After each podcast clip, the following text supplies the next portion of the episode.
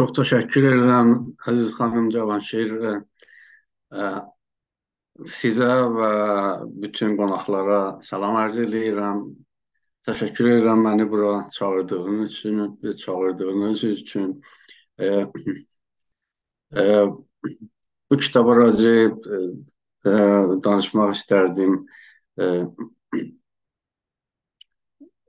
Azərbaycan Demokrat Firqəsi düzələndə 1324-də Hizb Etüdi İranın ə, varlığından 4 il keçirdi. Elə o birinci gündən, firqə düzələn birinci gündən İran Tuda Partiyası, İran, Hizb Etüdi İran başladı ə, firqə ilə müxalifətə və ə, elə o birinci gündən başladılar Moskva namə yazmağa ki, e, bu hizbi siz yersiz e, himayət eləyirsiniz.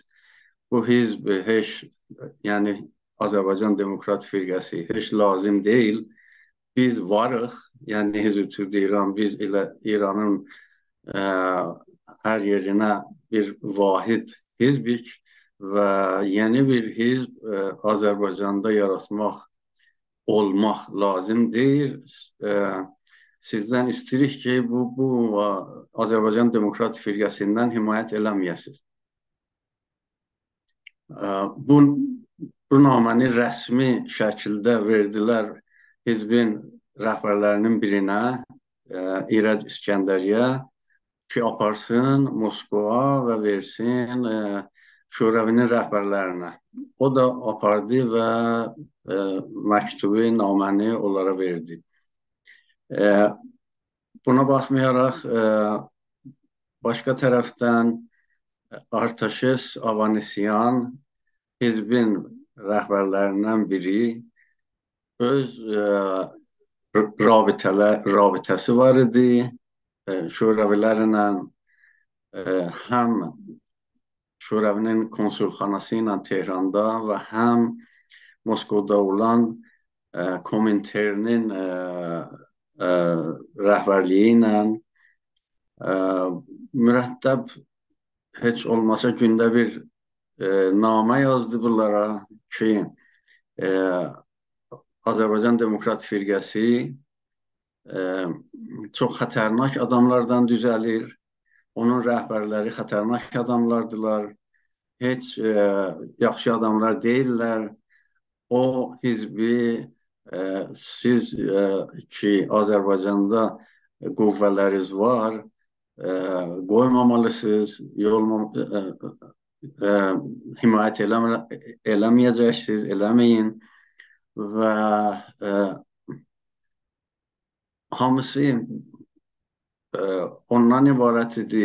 Həm Avanesyanın namələri və həm Hizbi Tude İranın çalışmaları ki, ə, qoymasınlar Azərbaycan Demokrat Firqəsi Təbrizdə düzəlsin.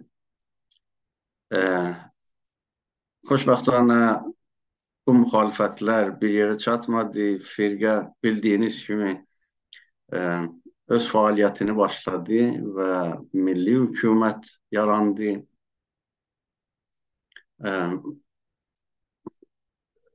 Şoravi konsulxanasının adamları Hizb-i Tüdə İranın rəhbərlərini çağırdılar konsulxanaya və onları razı saldılar ki, e, firqədən himayət eləsin. Həm yazılarında, mətbuatında və həm əməldə. O oldu ki, e, hizbin üzvü olan əfsərlər ki, e, Xorasanda e, nəhsət yaratmışdılar və şikəst yemişdilər. Ha belə e, hizbin üzvü olan əfsərlərdən Kirmanda zindana düşmüşdülər, Tehranda zindana düşmüşdülər. E, hizb e, bunları kömək üçün Azərbaycana köçürtdü. Cəmdə 71 bir nəfər əfsər Hizb-i Tüdə İran üzvlərindən köçürdülər Azərbaycana e, Azərbaycan Milli Hökumətinin ərtişinə kömək etmək üçün. Və doğrusu odur ki, bu əfsərlər e, heç türkcə bilmədiklərinə baxmayaraq e, başladılar e, fədai ərtişinə, Qızılbaş ərtişinə, firqənin ə, müsəlləh qüvvələrinə kömək eləməyə və özlərinin bəzi təxəssüsləri var idi. Bəziləri ə, təyyarə xələbanı idilər, bəziləri topxana əfsəri idilər. Ə, bunlar çox böyük köməklər elədilər və axırda da firqə ə, şikəst yeyəndən sonra Azərbaycan Milli Hökuməti şikəst yeyən, şikəst yeyən gündə bu əfsərlərdən 33-ünü Təbrizdə dara çəkdilər. Qalanlarının bir iddəsi Arazdan Otaya keçdilər və bir iddəsi Cənub cəbhədə, Marağada və Qaflankıda döyüşə-döyüşə Barizaninin adamlarına qoşulub və ə, Əraq tayına keçdilər. Orada tutuldular, zindana düşdülər. İrana qaytardılar. Əraq onları İrana qaytardı. İranda yenidən zindana düşdülər və çoxlu müsibətlər onların başlarına gəldi. Ə, 6 il firqənin rəhbərləri və üzvləri Arazın o tayına keçəndən sonra e, İranda kudeta oldu və Hizb-i Tüdə İranın üzvləri və rəhbərləri də e, məcburiyyətdə qalıb onlar da Şoraviyə sürgün düşdülər. İndi onlar Şoravi və başqa sosialist ölkələrində yayılmış e, 400 nəfərə yaxın e, heç e, təşkilatı olmayan e, darmadağın bir qrupdular. Müxtəlif məmləkətdə yayılmış və onların bir iddəsi Moskovda olanda rəhbərlərin 10 nəfərin Moskvaya yığmışdılar. Orada bu rəhbərlər oturub fikirləşib ə, bu nəticəyə yetişdilər ki, ə, öz vəzirlərin yaxşılaşdırmaq üçün hər şeydən yaxşı odur ki, ə, Quzey Azərbaycanda olan Azərbaycan Demokrat Firqəsinin təşkilatını o təşkilatla e, birləşsinlər, vəhdət eləsinlər. Bu indi 1931-ci il idi. Götürüb e, Stalinə məktub yazdılar, namə yazdılar ki, e, Leninin yazılarında deyilir ki, hər məmləkətdə təkcə bircə proletariat hizbi olmalıdır. Halbuki indi e, həm biz varıq, olmuşuq və həm Azərbaycan Demokrat Firqəsi var və bu olur iki hizb. E, bunu həll eləmək üçün biz sizdən istəyirik ki, e, bizə kömək eləyəsiniz, Azərbaycan Demokrat Firqəsi ilə birləşək, bir hizb olaq. Uzun illər e, Stalin və ondan sonraki e, Şoravinin rəhbərləri e, Quzey Azərbaycanın rəhbərlərinə yazırdılar ki, siz e, Azərbaycan Demokrat Firqəsinə fişar gətirin ki, Hizb-i Tüdə İrandan birləşsin, bir parti olsun, bir hizb olsunlar. Və elə haman uzun illərdə Azərbaycan Cümhuriyyətinin rəhbərləri bu belə bir ə, ə, birləşmə ilə, vəhdətlə müxalifət edirdilər. Ə, deyirdilər ki, firqə müstəqil ə, olmasının ol, firqənin müstəqil olması və həyatına davam etməsi lazımdır və Quzey Azərbaycanın başlayın Güney Azərbaycanın gələcəyinə çox lazım olacaq. Güney Azərbaycanda o tanınmış tanınmış bir hizbdir. Onun adını tanıyırlar. Onu ə, qəhrəmançılıqlarına və ə, sürdüyü bütün islahata tanıyırlar və ə, biz onun Tüdə İranla birləşməyini səlah bilmirik. Çünki e, bildiyimizə görə, tanıdığımıza görə Hizb-i Tüdə İranın qəsdi odur ki, Azərbaycan Demokrat Firqəsini özündə həll eləsin və onun adını, şöhrətini, tarixini aradan aparsın. Mən 339-cu iləcən, yəni 8 il uzunu ə, Azərbaycan Cümhuriyyətinin Cümhuriyyətinin rəhbərləri ə, qoymadılar, istəmədilər ki, ə, Azərbaycan Demokrat Firqəsi Hizb-i İranın içində həll olsun.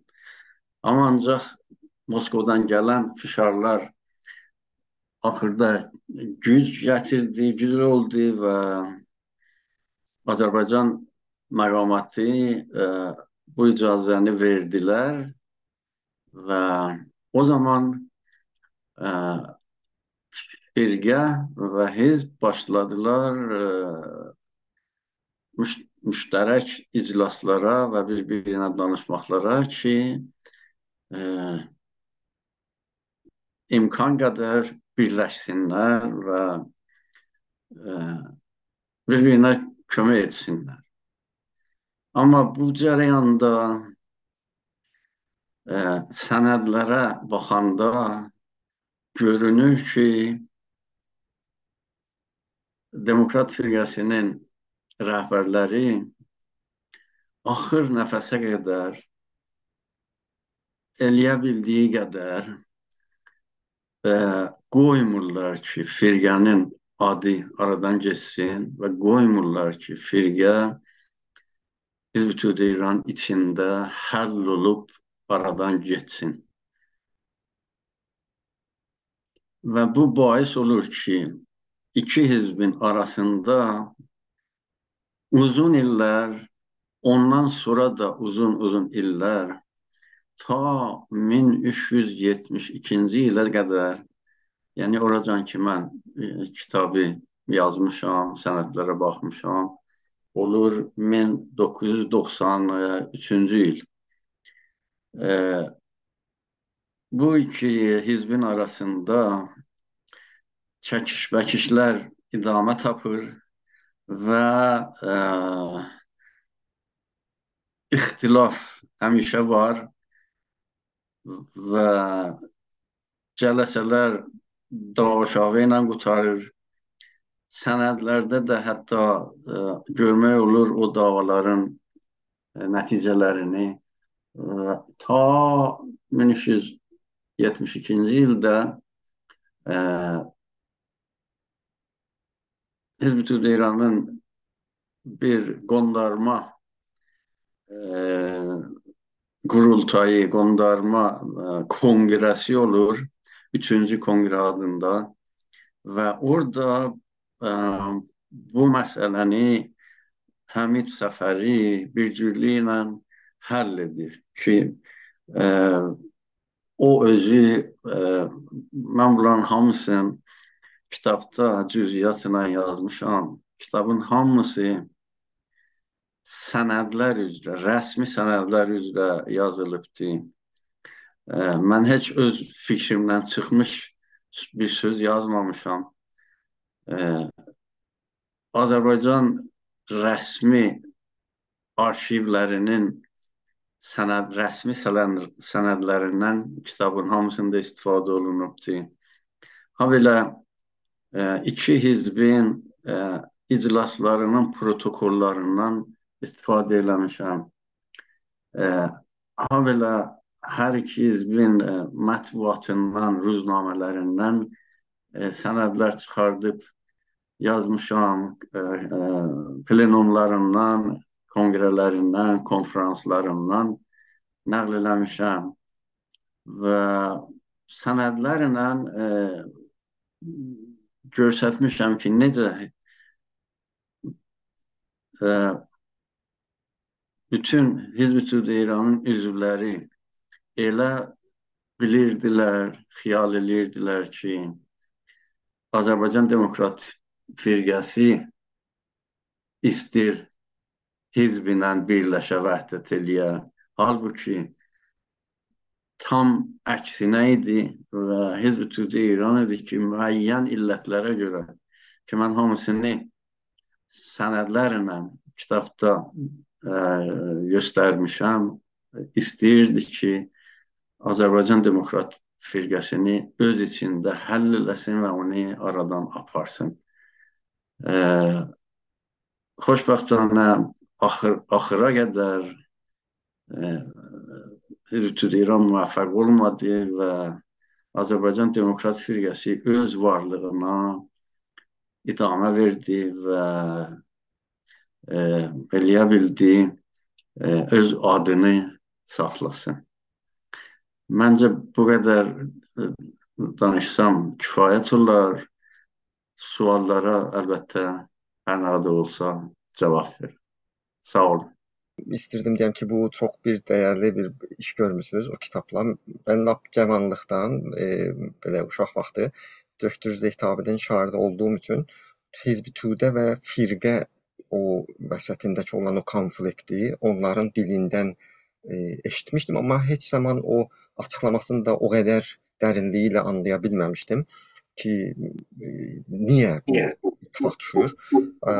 O haqda mən çox dəyərli görürəm ki, bu tartışılıb deyilibdir və sizin kitabınızdan öncə yalnız demək olar ki, bu ə, Yunus Leysinin tərcümə etdiyi Yervan Abrahamanın, yəni ən çox e, ciddi bir məqalə, bir 30 səhifəlik bir məqalə vardı əlimizdə. Mənə biraz orada oxudum, suallarımın cavabını tapa bildim, amma fərqli suallar da çıxdı. Elə oradan mən yola çıxaraq həmən sualları sizə sormaq istəyirəm. Bir üç hissədə əgər mümkün olsa.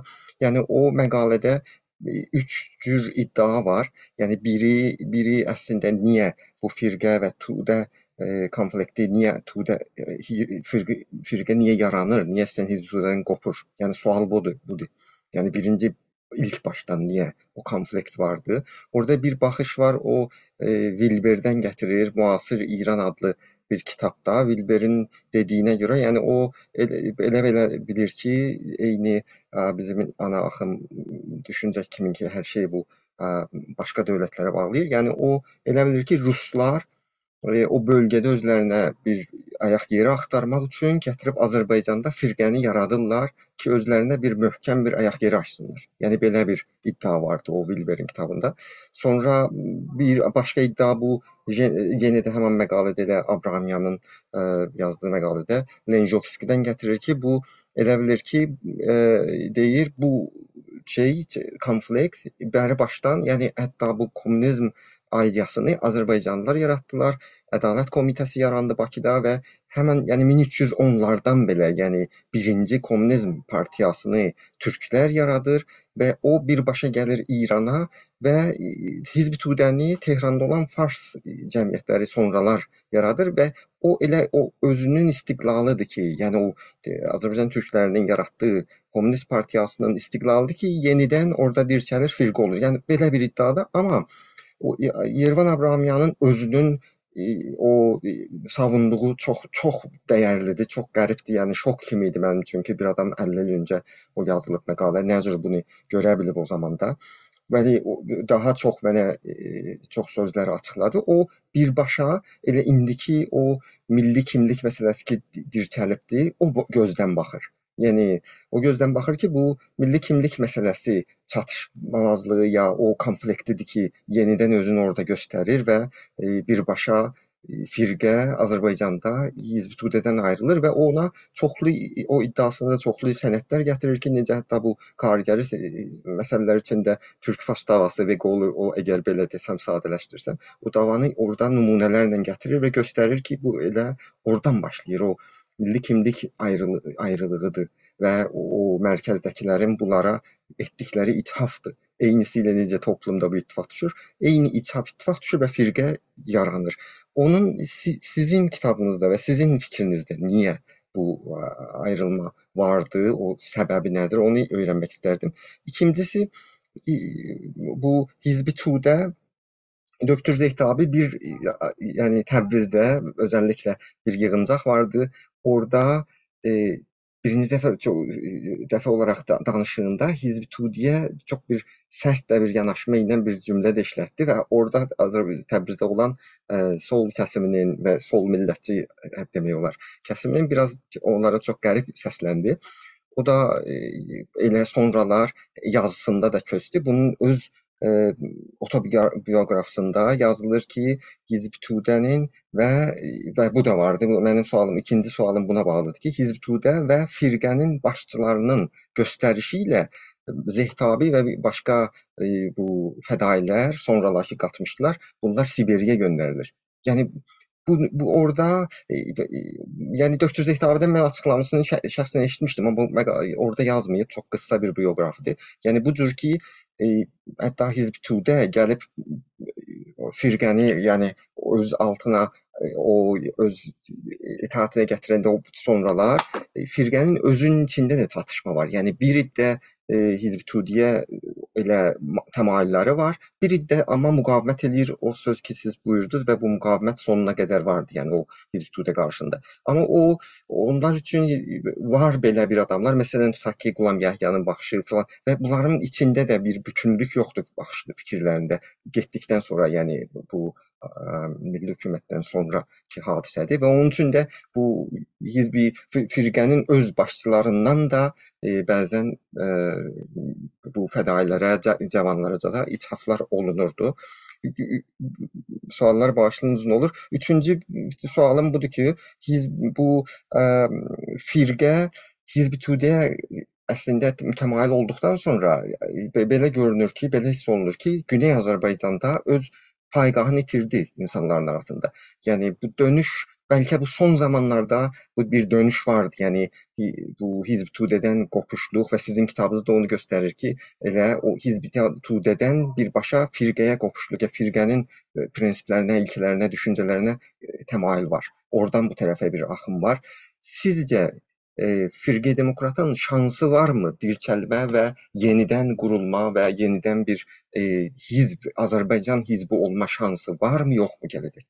Hala mevzuya baxarkən və bu iki bu ixtilafı beyni firqe demokrat və e, Hizb Tudə bəhsi kitabdır da. Xob, Aya mən də genel xub çün bir tane mühim source burada Abrahamyandır. Ve Abrahamyan da bir nəfərdir ki, xub, yəni şovinist birisi deyil. Yəni onda bir tərdidi yox və tarafsızdır ve mamulen de bilirsiniz milliyetçiler o taraftan yani İran Fars milliyetçileri ona saldırır yani onu yeterince milliyetçi bulunur vesaire.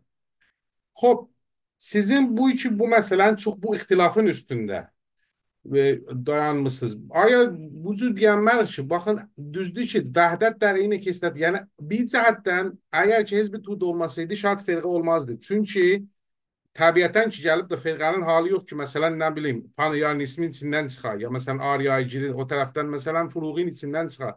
Təbii ki, sol bir akımdan çıxacaq və Hezbi Tuğda bir tane sol akımıdır ki, İran hepsine baxırdı.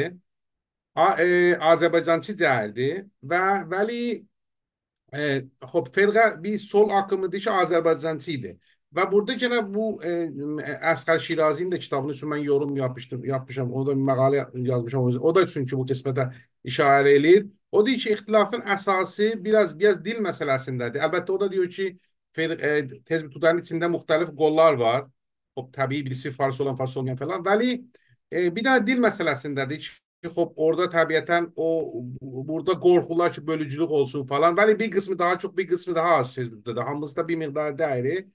Bir de Eskar Şirazi deyir ki İranın o tamamiyet ərzisi, yəni ərzi bütünlüğün içində çox xas e, firqənin çox xastələri ilə müşkillər yoxdur. Bir mühim və hətta o iki bundan sonra idğam oldular. İdğam bir mənayı lüzumen bu iki onun dediğine göre firqənin ittifaqın hələ bir seri liderləri, bir seri firqənin şəxsiyyətlərinin hala nüfuzu çox tez bir tudədə.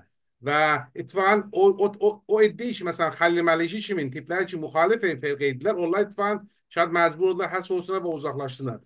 Xülasə bu iki aya, yəni bu da deyil ki, yəni dəhşət firqə kimin bir hərəkət, sol bir hərəkət, yəni aklıma məhkumdur. Yəni sağdan çıxanmazdı burada. Ə, Səməd bəy ə, ə, buyurdular ki, ə, firqə niyə necə yarandı? Ə, e, Ruslar ayaq yerlərini axtarırdılar. Orada Azərbaycanda qoymaq üçün e, qoya e, e,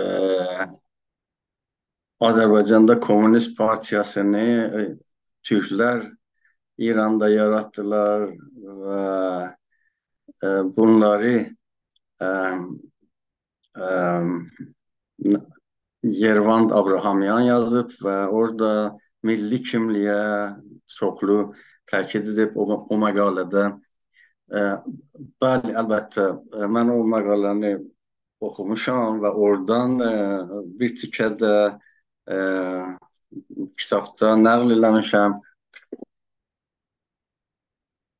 E, dil çətinliyinə raci oradan nəql eləmişəm. Çünki Tüdü İranın birinci qurultayında ə, əməldə ə, gördülər ki, qurultayda olanların çoxusu ə, farsça heç başa düşmür, fars dilini bilmir və məcbur oldular ki, ə, bəzi ə, çıxışları, bəzi çıxanralıqları ə,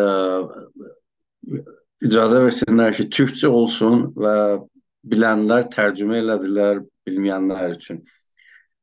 Bunlar var. Bu, bu, bu cür milli kimlik məsələsi əlbəttə var idi, mətrəh idi. Müntəha bu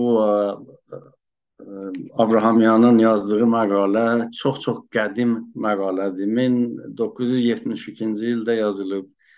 Cənab Yunus Leysi bəy əlbəttə çox zəhmət çəkib və çox yaxşı iş görüb onu farsçaya göndərib və mən də istifadə elədim. Amma Abrahamyan özü elə o məqalənin aşağısında sualların birinə cavab verəndə yazıb ki, mən bu məqaləni bir daha istəsəydim yazam, gərək bütün indi açıq olan arşivlərə baxıb Rus mənbələrindən, Rus sənədlərindən, qaynaqlarından istifadə edib yeni bir məqalə yazardım. Yəni hətta Abrahamyan özü də öz yazdığını indi aktüel bilmir. Ondan keçmiş, e, doğrusunu istəsəz, mən Abrahamyanın bütün yazılarında çox, çox diqqətsizlik görürəm. Hətta o böyük kitabında İran və Yeni Doğu İnqilabda o qədir ə, e, səhvlər var ki, mən bir-ikisini bir məqaləmdə göstərmişəm, bir ə, e, məqalə yazdım çiriklərə raci bir ə, mövzuda. Ə, onun ə, e, səhvin ədədlə, rəqəmlə göstərdim və ə, e, ondan keçmiş tanıyıram bir-iki yazıçını ki, İrandakı məcəllələrdə e, təkcə onun 5 səfə kitabından, kitabının 5 səfəsindən böyük bir məqalə çıxardıblar və onun səhvlərini bir-bir göstəriblər. Odur ki, ə, doğrunu istə, doğrusunu istəsəz, mən elə fəqət təkcə o bir nəqli qoldan sonra, cənab Leysinin tərcüməsindən sonra heç bir yerdə e, tapmamışam bir şey ki, Abrahamyanın kitabından nəql edeyim. E, əlbəttə e, dediyim kimi milli kimlilik məsələsi elə var idi, o zamandan da var idi. Siz buyurdunuz ki, Hizb-ü İran olmasaydı belki Meysan Bey buyurdular. Meysan Bey buyurdular ki Hizb-ü olmasaydı belki firqə heç olmazdı. Mən elə o milli kimlilik məsələsinə qayıdaraq deyirəm ki, olardı. Yəni ki, ə, ə, həm Azərbaycanda komünist cərəyanatı Hizb-i İrandan çox-çox qabaq başlamışdı, yaranmışdı, var idi.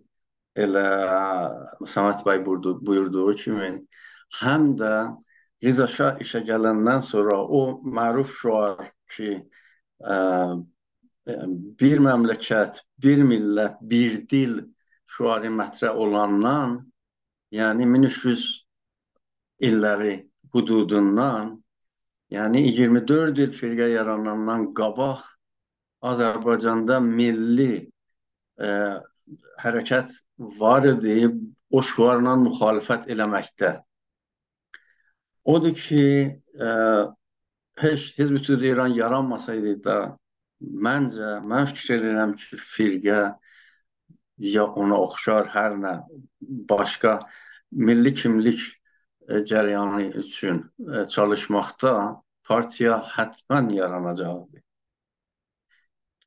Ee, sonra ikinci sualınızda buyurdunuz ki Zehtabi e, deyir, yazır ki Hizb və firqə e, adamları Sibriyə sürgün salırdılar və hizbə, firqənin içində bütünlük yox idi və e, firqənin içində də e, müxaliflər var idilər. E, əlbəttə o da e, düzgündür. E, Müntəha Sibriyə sürgün salmaq qəziyyəsi e, firqə və hizbin əlində deyildi. Onu kitabda mən yazmışam, göstərmişəm, sənədlərlə göstərmişəm ki, e, tudeylər, tudey əfsərlər və firqənin başqa müxalif adamları o zaman Azərbaycanda və Moskvada bunların hamısının günahını salırdılar Qulam Yahya Danışyanın boynuna və firqənin boynuna və Hizb-ü İranın bəzi rəhbərlərinin boynuna. E, amma həqiqət odur ki, bu o qəziyyənin dalında, o qəziyyənin əsasında Mirzəfər Bağırovun bir məktubu, sənədi var. Onu da mən gətirmişəm, orada göstərmişəm. E, elə firqəçilər, firqə üzvləri Arazın o tayına keçən günün sabahısı yazır Stalinə ki, indidən biz e, buna bir qanun yazmalıyıq. Və özü orada 13 maddədə qanun yazır ki, e, hər nə olursa, belə olursa bu işi görəcəyik, belə olursa bu işi görəcəyik və onların da biri budur. İrana qayıdan istəyən adam olsa, ona e, mərzdən qeyri-qanuni keçmə pərvəndəsi düzəldib, onu Sibriyə sürgün göndərməliyik. Yəni, Bağırov təsmin tutur, Stalin də təyid eləyir, onların sənədləri var kitabda ki, hər kim firqəçilərdən istəsə İrana qayıda, pəşiman olsa bir gün, istəsə İrana qayıda, ona pərvəndə düzəldəcək ki, bu qeyri-qanuni mərzdən keçib gəlib bu taya. Həs onun 3 il zindanı var və göndərəcək zindana və Sibriyə. Onun Qulam Yəhiyyə və o işlərin Qulam Yəhiyyə və e, Hizb-ı İranın rəhbərlərinə heç rəfti yoxdur. Əlbəttə, firqənin içində narazilər var, çoxdurlar. Qulam Yəhədən narazıdırlar, Kambəşdən narazıdırlar, Çeşmazərdən narazıdırlar. Bunların çoxusun, çoxunun e, dalında o narazı fars əfsərlər olur. Fars əfsərlər hər şeydən narazıdırlar. Fars əfsərlər başlayırlar cərəyan düzəltməyə, müxtəlif cərəyanlar düzəldirlər, ifşa olurlar. E, firqə çox məvariddə onları ba bağışlayır, amma onlar idamə verirlər öz təhrik təhriklərinə, öz propagandalarına, öz təbliğatlarına və firqənin ziddinə. E, o ziddiyyətlərin çoxu o fars əfsərlərin qalıqlarından e, naşi olur. Onları da mən e, hamısını kitabda sənədlərlə göstərmişəm. Sonra buyurursunuz ki, firqə bir müəyyən zamandan e, güneydəki paygahını itirdi. E, e, O da doğrudur, amma onun da illəti var. İlləti budur ki, e, Xruşçov iş başına gələndə başlayır İranla dost olmağa və yaxın rabitə qurmağa, qoşmağa şahla dostulur, nəm Əşrəf Pəhləvini, Şahi, Fərəhi dəvət edirlər Şoraviyə, e, çoxlu Onlar, onlardan pəziralıq edirlər. Xruşçov özü İrana gedir və o zamandan böyük böyük iqtisadi rəvabit qurmağa başlayırlar. O zamandan e,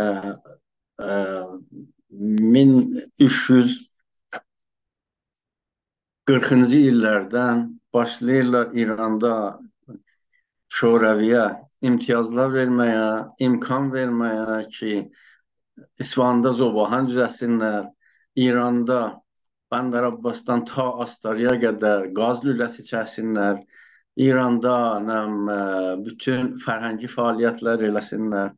Mən bunlara racı ayrıca məqalələr yazmışam. Kitabda bu söhbət yoxdur, amma e, o bahis olur ki, Bunu yazmışam ki, o zamanda firqənin e, Quzey Azərbaycanda olan firqə təşkilatının bütün fəaliyyət yollarını güneydə bağlayırlar. Yəni qoymurlar Azərbaycan Demokrat Firqəsi quzeydə güneyə ə, e, xitabən fəaliyyət eləsin. Hətta qoymurlar Azərbaycan ruznaməsini güneyə yetirsin. Radiosunu bağlayırlar, tətil eləyirlər. Bakı radiosunun müəyyən bərnaməsi var idi. Güneyə xitabən onu bağlayırlar. Və firqə heç yoldan eləyə bilmir. İran Azərbaycanında, Güney Azərbaycanda ə, e, heç bir kiçik fəaliyyət də eləyə bilmir. O zamandır ki, e, Güney Azərbaycanda mən kitabda göstərmişəm. İkinci və üçüncü firqələr yaranır.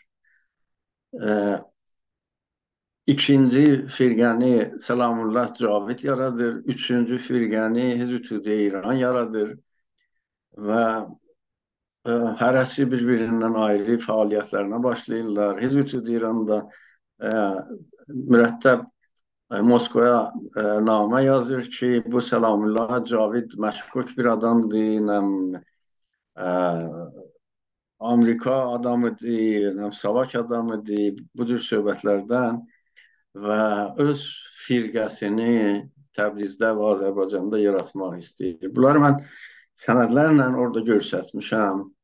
E, ki, bu ikinci və üçüncü firqə necə yarandılar və necə fəaliyyət elədilər və illəti ə, e, əsli firqənin fəaliyyət yolunun bağlanma, bağlanması idi və o fəaliyyətin yolunun bağlanması özü e, bahis olurdu ki, firqə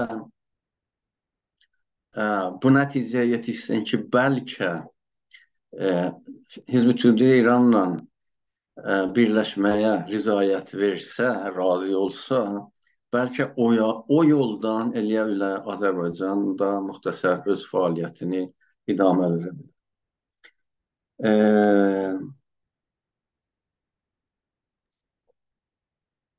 Bir de hemen soruşmuştu ki e, Azərbaycan Demokrat Firqəsinin e, yenidən dirçəlmə və Güney Azərbaycanda bir hizb olma imkanı varmı? Var. E, sağ olun yadıma saldığı üçün. E, çox təəssüflə indi Azərbaycan Cümhuriyyətində olan firqə e, mən bilən qədər üç parça olmuşdur və hər parça özünü firqənin yolunun idaməçisi bilir. Bir-birindən davaları var. E, heç olmasa iki saytları var bugün. Hər tikənin özünə görə bir saytı var. E, mən e, ürək ağrısı ilə çox təəssüflə görürəm ki, qalan adamlar, bu işləri aparan adamlar, bir-biri ilə savaşan adamlar, bunların arasında e, bu davanın davanın idaməsi fəqət elə Demokrat firqəsinin adını ləkələndirməkdə e, faydası var. Ondan başqa bir fayda görmürəm və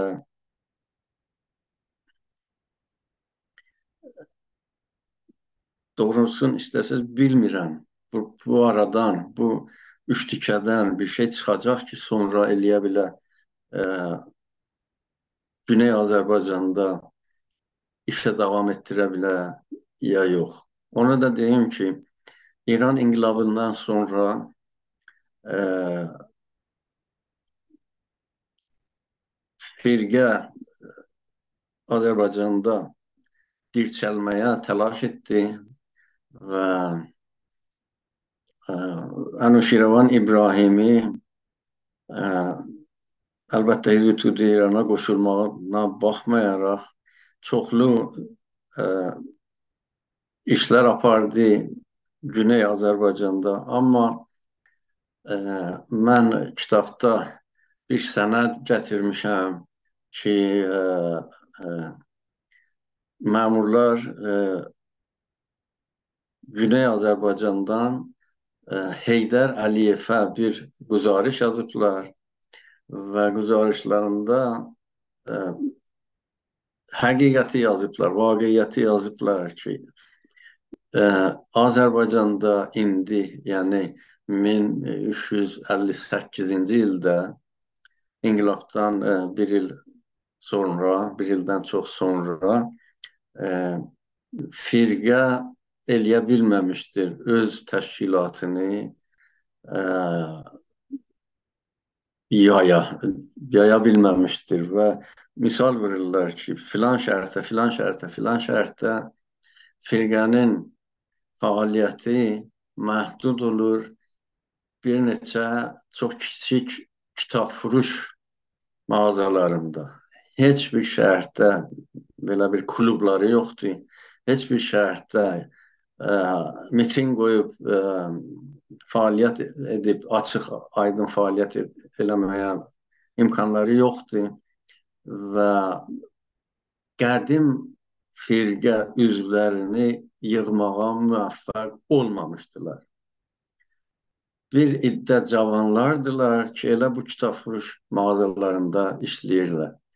Və bunlar e, nümayişgah qoyurlar, əks e, e, vururlar divarlara, e, elamiyyə pəxş edirlər. Amma e, Hizbullah bunlarla çox gərgin mübarizə eləyir, bunları kötə vururlar, bunları e, zindana salırlar və heç cür imkan vermirlər ki, bunlar bir balaca e, fəaliyyət elə, eləyə bilsinlər. e, mən özüm 40 ildir İranda olmamışam. Odur ki, e, heç cür e, belə bir e, idrakim yoxdur. Azərbaycanda firqənin vəzi necədir və necə e, nə imkanatı var və nə işlər görə bilibdir. E, e, firqə içində də əlbəttə ixtilaf var idi və mən əlbəttə təyid edirəm. Çeşmazər ayrı baxışı var idi. Qulam Yahya Danışyanın ayrı baxışı var idi. Başqa adamlar da var idilər ki, ya bunun ya onun tərəfdarı idilər və ya hətta bəlkə üçüncü baxışları var idi. Doğrudur, belə ə, ixtilaflar var idi. Amma ə, mən dediyim kimi ə, Qulam Yahyanın adına ə, çox qara yaxırlar və dediyim kimi ə, ona bir töhmətlər vururlar ki, bunu öldürdü.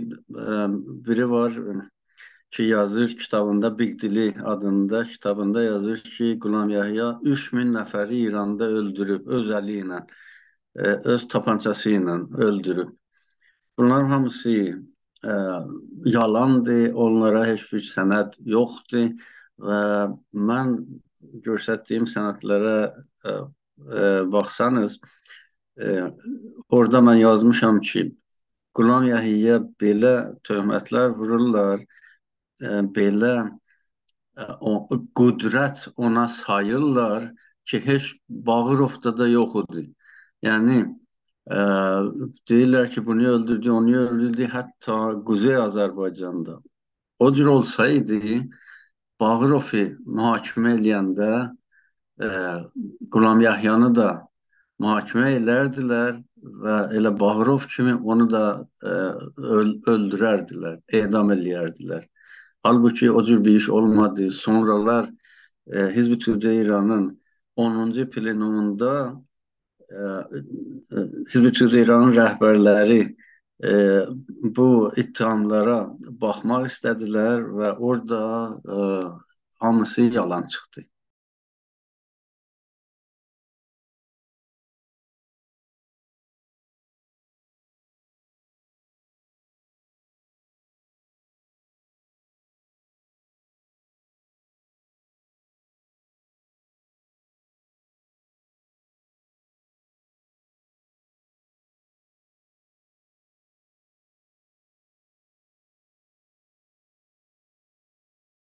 Həm Səməd bəy və həm Meysəm bəy e, Əsxər Şirazidən və onun kitabından ad apardılar və ha belə Abrahamyandan və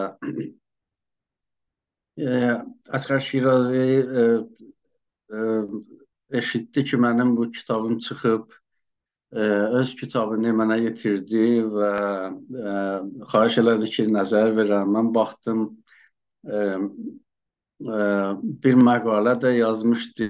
Elə e, fəqət firqə ilə hizbin ixtilaflarına raci onu da mənə göndərdi. Ona da baxdım. E, əlbəttə ərzişli əsərlərdirlər. Həm e, Əsxər Şirazinin və həm Abrahamyanın müntəha onların və çoxlu başqa yazıların böyük iradə ondan ibarətdir ki, fəqət o bir ilə, bir ilə raci bəhs edirlər, ona raci yazırlar. Yəni 1324-dən Azərbaycan Demokratik Azərbaycan Demokrat firqəsinin yaranmasından və onun ə, e, dağılmasına qədər 1325-ə qədər ə, və bütün yazıları təkcə o bir il, ili şamil olur. O bir ilə yaz, raciə yazırlar. Ondan sonra heç ə, nə sənədləri var, nə xəbərləri var, nə bir yerdə biliblər, oxuyublar ki, Hizb-i Türk'də İran getdi, ə, sürgün düşdü Şoraviyə və istədi firqə ilə birləşsin, vəhdət eləsin və nələr oldu, nə söhbətlər oldu, nə çəkişbəkişlər oldu, nə ixtilaflar oldu.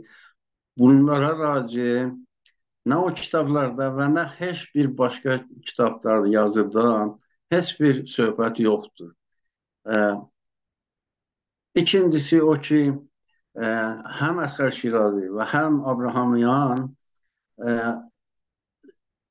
dəsti dovum sənədlərdən istifadə edirlər. İkinci əl sənədlərdən istifadə edirlər. Orijinal sənədlərə əlləri çatmamışdır. Rusca sənədlərə baxmamışdılar. Azərbaycanca sənədlərə baxmamışdılar. E, yəni bilmirdilər heç o onlar hələ açılmamışdı o zaman bunlar bunlar bu şeyləri yazanda. E, e, mən bu kitabda həm rusca sənədlərə baxmışam, orijinal sənədləri orada tərcümə eləmişəm, ruscadan tərcümə eləmişəm. Həm Azərbaycan arxivlərindən gələn sənədləri e, e, yazıcı var Xaqan Balayev adında e, o çoxlu sənədlər öz kitabında gətirib. Onlara baxmışam, onları tərcümə eləmişəm, gətirmişəm.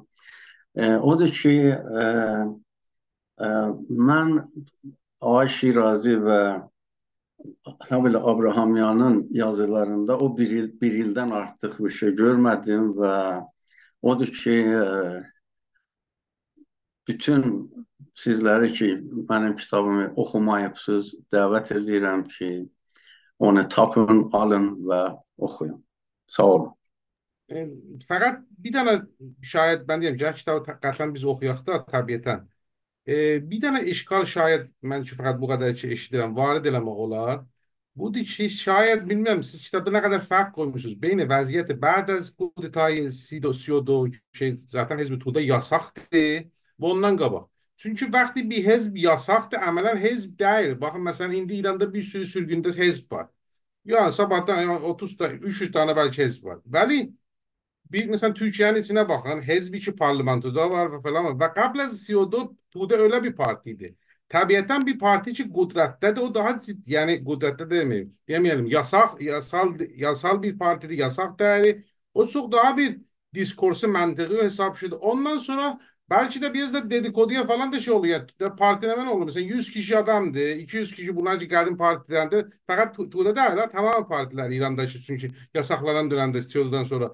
Fergadi falan Hop bunlar öz aralarında çatışmaları da var, şeyler de var birbirine. Böyle yeraltı mesela yani yeraltı partisini ne kadar ciddi alabilir parti olarak diskorunu. O da bir mesele.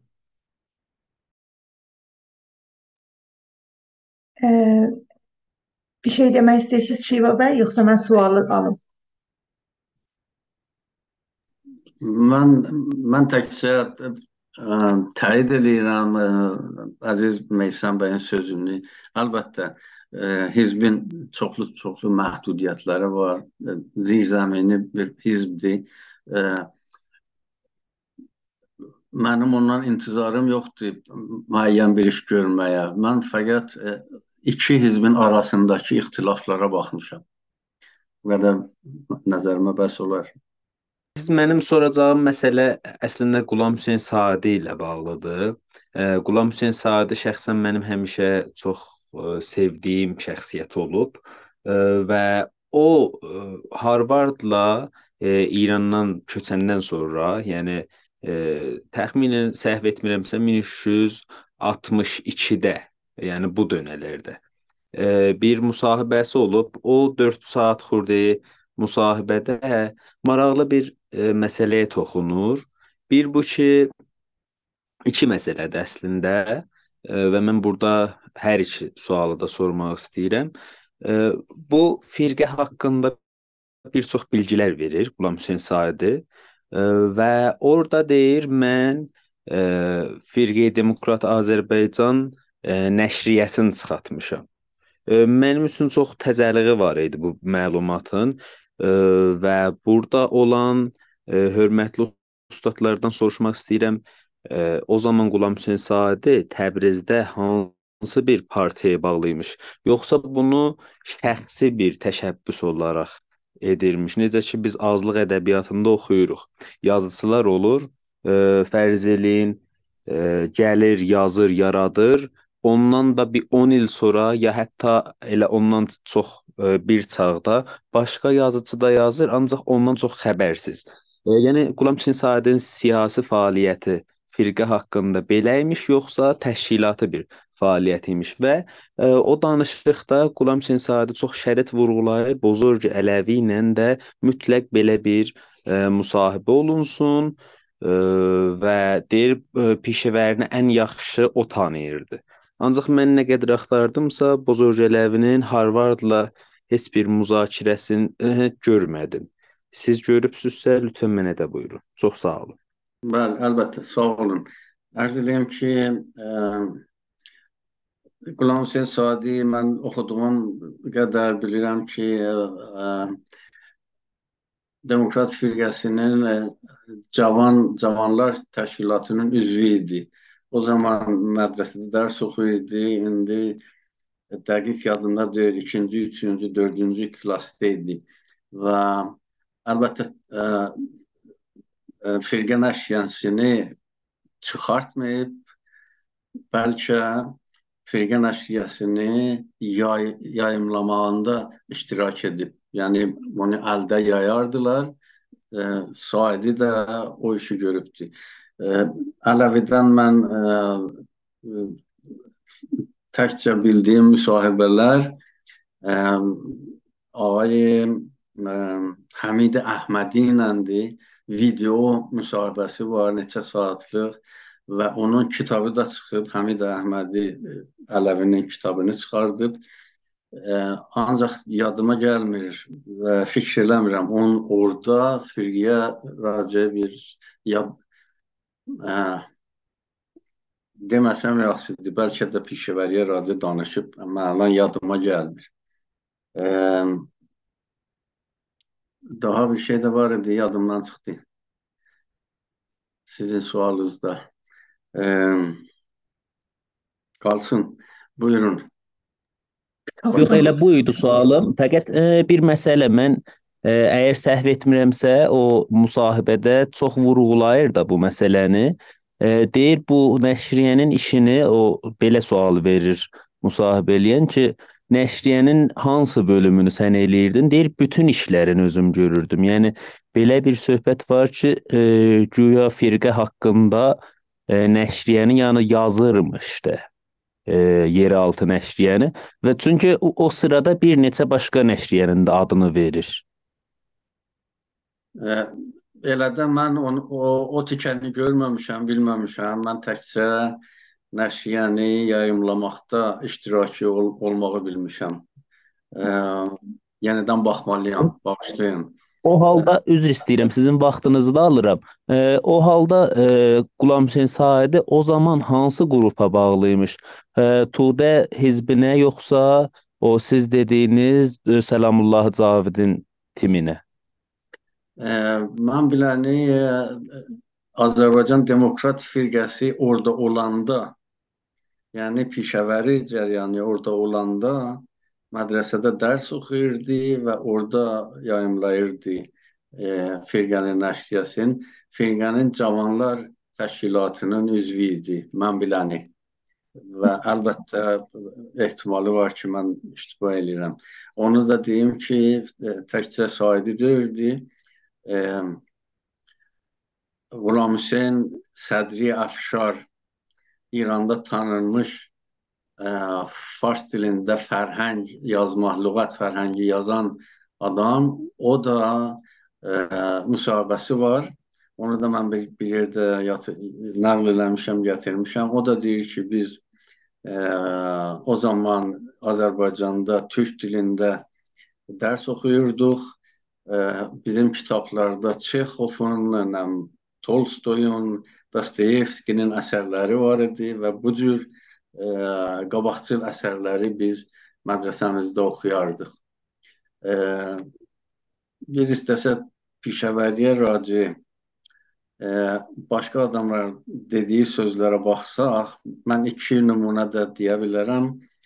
Həm Ehsan Təbəri öz kitabında Didar Xişdən kitabında Pişəvəriyə Raci ayrıca bir məqalə yazıb e, və orada zindanda olmaq e, vaxtından yazır və orada göstərir ki, e, özü gedib Pişəvəridən Marksist-Leninist öyrənərdi və Pişəvəriyə Raci orada yazıb, yazıb kiminlə dostdur, necə davranışırdı və qeyrə.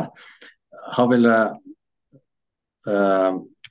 Behazin çox mərufiyyətli fars mütərcimi o da öz kitabında Əzhər Dəri kitabında Pişəvəriyə raci çox təriflər yazıb və yazıb ki Ajir ruznaməsinə raci yazır. Orada Pişəvərini görərmiş və yazır ki, Pişəvəri mənə dedi ki, buranı buraxın. Durun, gəlin gedək Təbrizə. Ordadır ki, indi hadisələr baş verir. Sağ olun. Duman Radmehri yazıblar ki, olmaya inqilab ərəfəsində çıxan firqənin nəşriyyəsindən söz edir yəni Qulam Hüseyn Sahidi.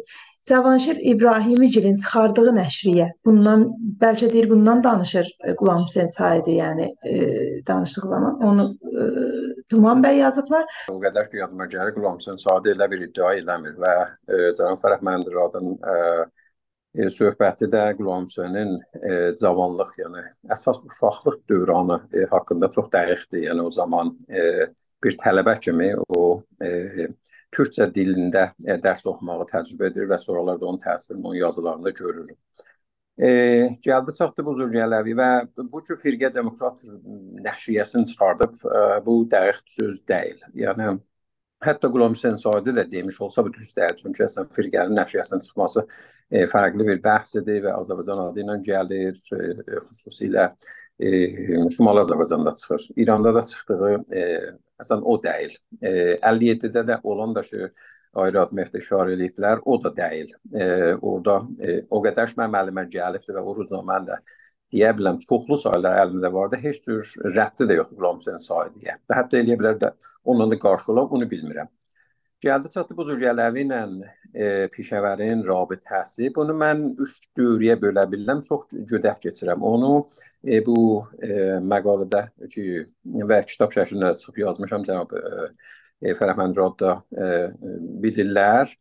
E, mən bir dövrəsi ki zindandan e, zindan dövrəsidir ki, orada pişəvəri də ikisi də yaxın serluldadırlar və əsas bu cür Ələvi də bunun bütün danışıqlarında da deyir ki, mən yazımı və öyrənmə yazımının üslubların, istailların həmişə pişəvərdən öyrənmişəm və orada da yazılarımı aparardım onun yanına e, və o da diqqətlə oxuyardı və islah elərdi. İkinci dövrəsi yəni bunun ardındadır, e, çox qarşı deyil və bunu hətta mən Abrahamyana yazmışdım. Abrahamyan çox təəccüb eləmişdi məsələdən və soruşmuşdu məndən ki, bu bir dənə məqalə yazılmışdı, e, Xatirəti Zindan kitabına görə e, e, Agirdə. Bunu kim yazmışdı? Çünki çox fərqli bir yazı idi. Çünki bu Züyələviyə də xas iradəti var. Ay Abrahamyanın. E, mən e, çox onu e, üstündə işləyəndən sonra kəşf elədim ki, bunu dəqiqən Pişəvəri yazıbdı və bunu da izah eləmişəm ki, niyə? Yəni o dəlillərimi gətirmişəm orada. Çünki adsız bir dənə məqalədir. E, dəlillərimi də orada oxuya bilərsiniz. Ki orada da çox çox çox maraqlı, yəni həm ədəbi və həm tarixi və həm siyasi baxışdan onu nəqd edir. Əsas gəlib firqəyə çatanda ki, ikinci dövrədir. Bozorg Ələvi İran man dadıdır, e, xəbərniqardır və gedibdi Pişəvəri ilə də müsahibəsi vardı və mən bu müsahibələrdə əlim çatıbdı və bu müsahibələrdə mətni var. Ki orada da çox müsbət dad edir, e, müsahibəsi var və mətnlərini gətiribdi və mətnləri əlimə çatır. Üçüncü dövrəsi ondan sonraki firqə dad eləyibdi e, E, dağılıbdır və bir miqdarına da Qulam Hüseyn Said işarə edir ki, orada deyir, vaqən əgər pişəvərin haqqında, bu cür Ələvinin sözü odur ki, mislə əlmas, e, mislə əlmas təraşidəst. Yəni eyni cümləsidir ki, bu cür Ələvi o pişəvərin şəxsiyyətinə görə işarə edir. Bəli, ondan sonrası dövrədə ki, vardı, bu cür Ələvi qocalıyıbdır və e, cənab Fərhəmcad işarə edirlər ki, müsahibəsi var Həmidə Əhmədiyyə başqaları ilə. Orada müsbət söhbətləri, eləmir. Bu qədər. Təşəkkür edirəm fürsət üçün. Lala xanım, mən də qısa bir sual soruşum Şivə bəydən. Buyurun, buyurun, buyurun. Bu kitabı Şivə bəy, yəni ə, siz ə, çıxan kitabla yazdıqlarınızı müqayisə eləyəndə, yəni içəridə yayınlanmasına görə bir sansura uğrama kimi bir məsələ ilə rastlaşıbsınız ya yox? Çox təşəkkür edirəm.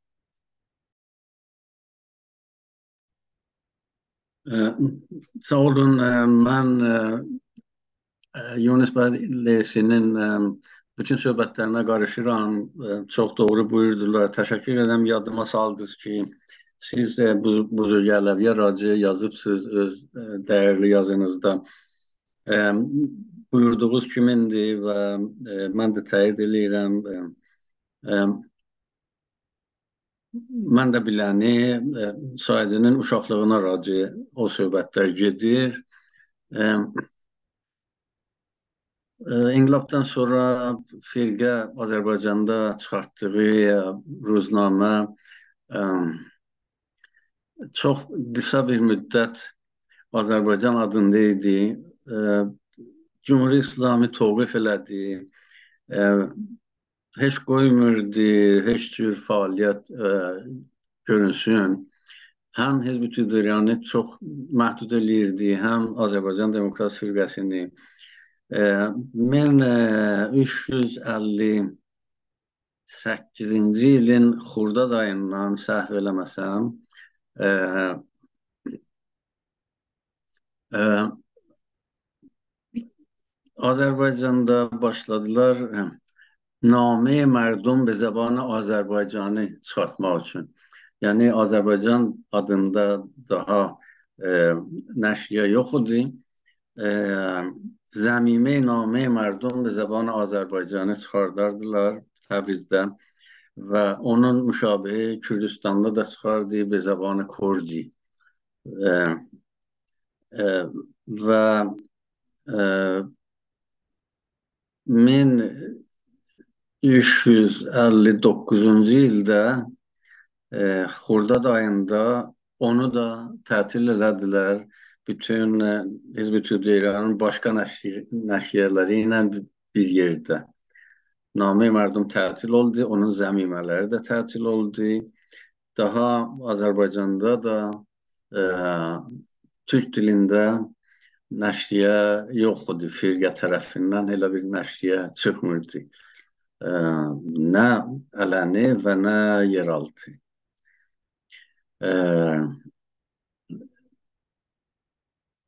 Cənab Teoman soruşdular, aya mənim bu kitabım İranda sansür olub ya yox. Kitabın ikinci çapı bir ay bundan qabaq Tehranda çıxdı və yayıldı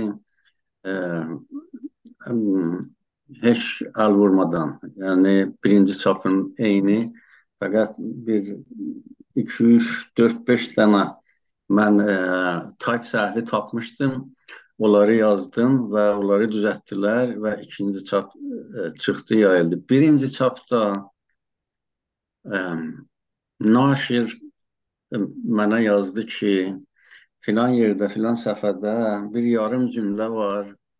E, ona baxın, onu bizim nəzərimizə götürsəz salahdır. Çünki bu cür getsə idarə irşada orada bahana tapıb e, kitabın tamamı tamamısına, kitabın bütünlüyünə irad tutarlar və e, bəlkə qoymazlar çap ola.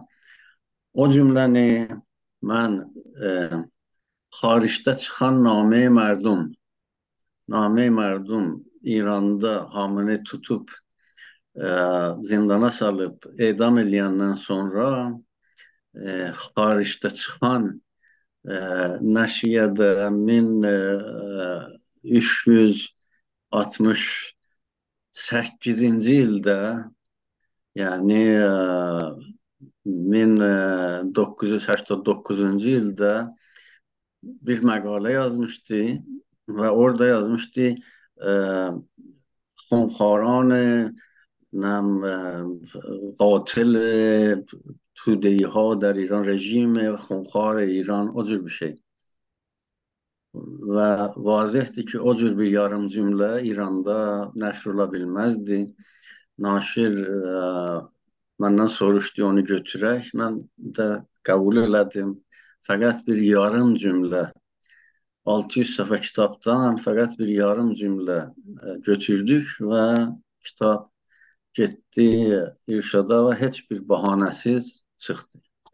İkinci çapı da təzərrükdə çıxdı. Gözəl.